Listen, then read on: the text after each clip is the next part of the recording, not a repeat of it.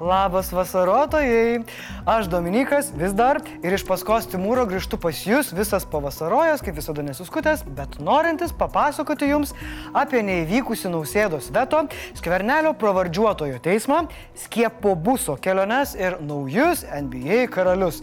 Pradedam nuo prezidento. Vakar mano kolega Timūras kalbėjo apie nausėdos planus vetuoti Seimo priimtas užsieniečių teisinės padėties įstatymo pataisas, bet prezidentas jas pasirašė, nors pagrumojo savo ilgų pirštukų. Seimo pirmininkė sprendimą pavadino išmintingu. Grikio šeimininkas pažymi, kad prie glopšio prašytojų teisės neturi būti ribojamos labiau nei tai būtina ir kad įstatymo trūkumai turi būti ištaisyti artimiausių metų. Jis įstatymą pavadino skylėtų žmogaus teisų prasme. Tačiau sutiko, kad šiuo metu geriau turėti priemonės ekstremaliai situacijai pasienyje numatantį reguliavimą. 90 metų berniukų draugo nuomonė dėl užsieniečių antplūdžio įvedami taikomi šių asmenų teisų ir laisvių ribojimai turi būti pagristi ir proporcingi siekiamam tikslui bei negali būti nustatomi visam laikui. Daugiausia bejonių regioninio parko gyventojų kelia tai, kad privalomai iki teisminė tvarka užsieniečių skundą išnagrinėjusio migracijos departamento sprendimas yra vykdomas iš karto. Asmo gali būti gražintas į jo kilmės ar trečiąją šalį neįsitikinus saugumu. Taip pat visam laikui iš prieglopščio prašytojų atimta teisė skūsti pirmosios instancijos instancijos teismo sprendimus apeliacinė tvarka. Nors mūsų konstitucija neleidžia įtvirtinti tokio teisinio reguliavimo, kuris paneigtų galimybę peržiūrėti pirmosios instancijos teismo sprendimus ir ištaisyti galimas klaidas. Seimo ir vyriausybės atstovai prezidentui įsipareigojo artimiausioje Seimo sesijoje įstatymą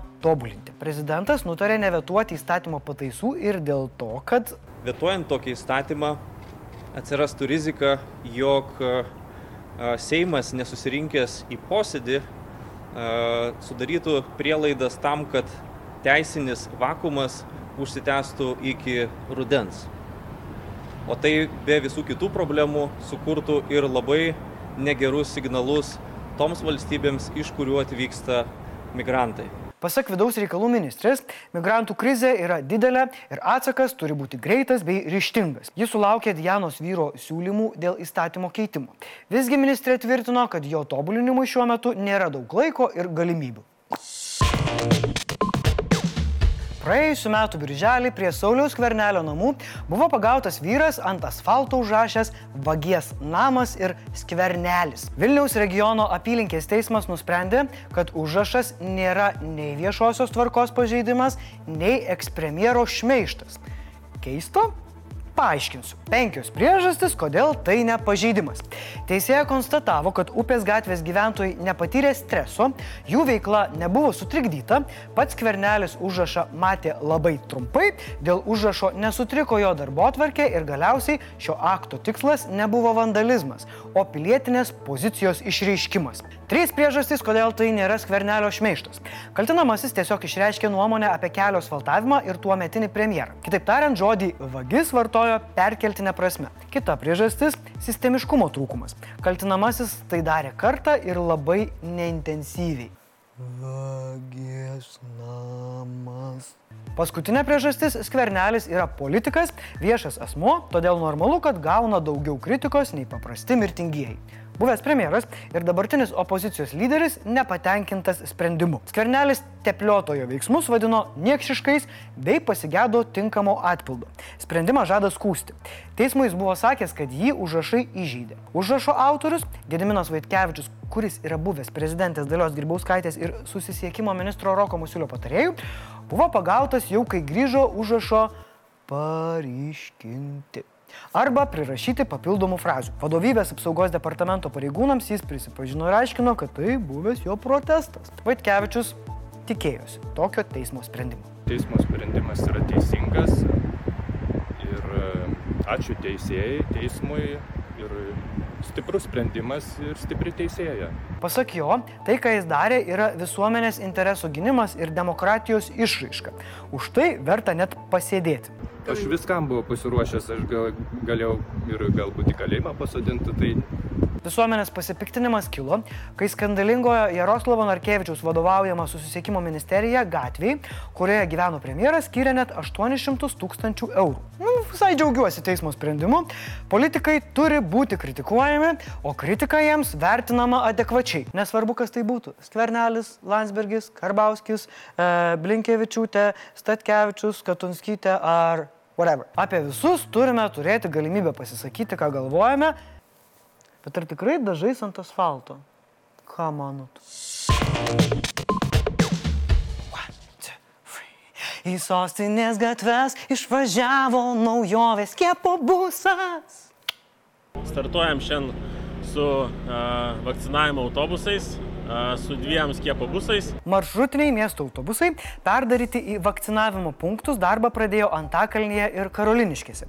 Tiksliau, tų rajonų viešojo transporto parkuose. Skiepo busų tikslas pakelti miesto imunizacijos lygį ir paskiepyti Vilniaus viešojo transporto įmonės darbuotojus. Pasiskiepijusių žmonių e, transporte, na, bendrai įmant tiek vairuotojus, tiek administraciją, tiek, tiek e, pagalbinius e, darbuotojus turbūt yra apie 40 procentų, tai tą procentą reikia gerokai labiau pakelti. Vilniečiai renkasi tarp Pfizer ir AstraZeneca vakcinų. Skiepytis gali atvykti ir norintys pasiankstinti antrąją dozę.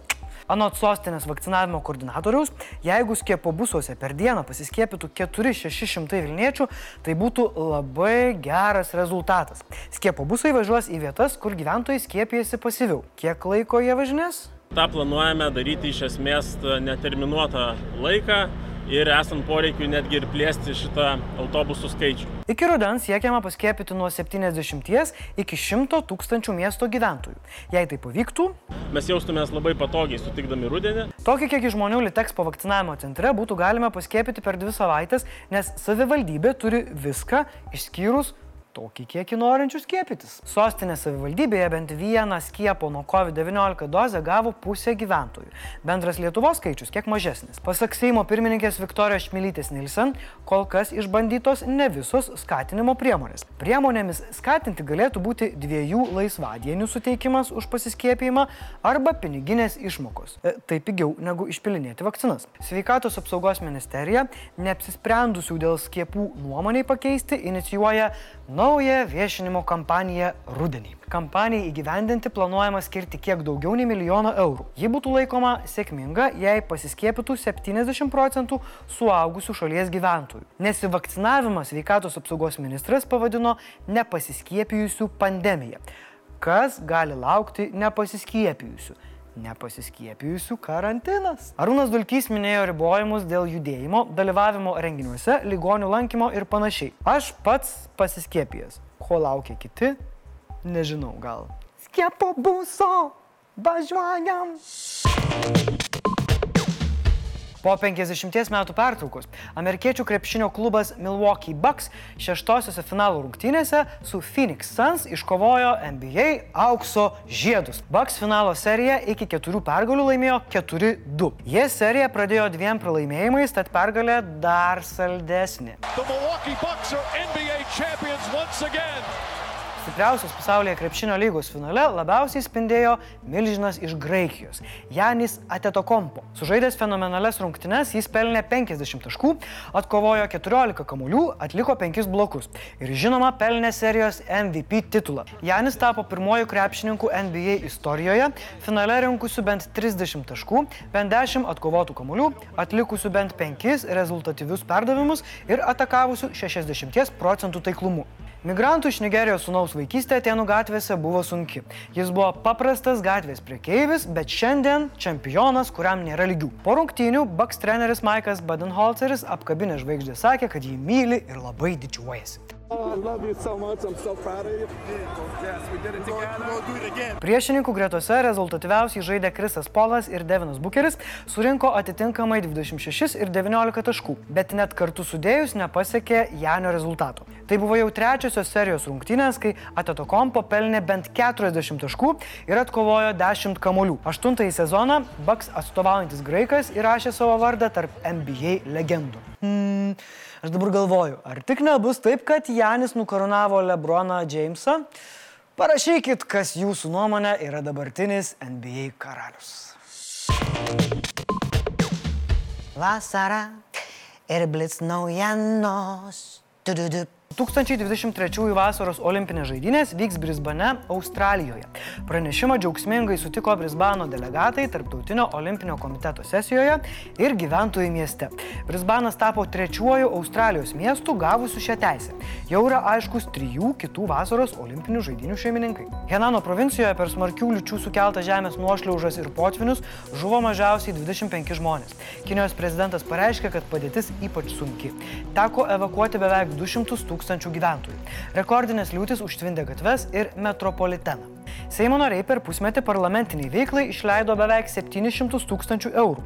Seimo narys galėjo panaudoti beveik 7200 eurų. Didžiausia lėšų dalis tenka transporto priemonėms eksploatuoti, biuro nuomai ir viešosios informacijos rengėjų paslaugoms.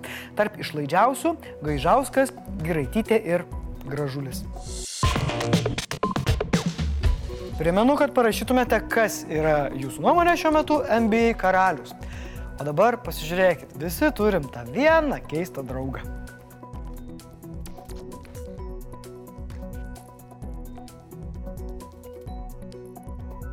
Na ką, visos naujienos pristatytos, susimatysime rytoj, o dabar visi, kas nesiskiepijo į skiepo būsą. Važiuojam.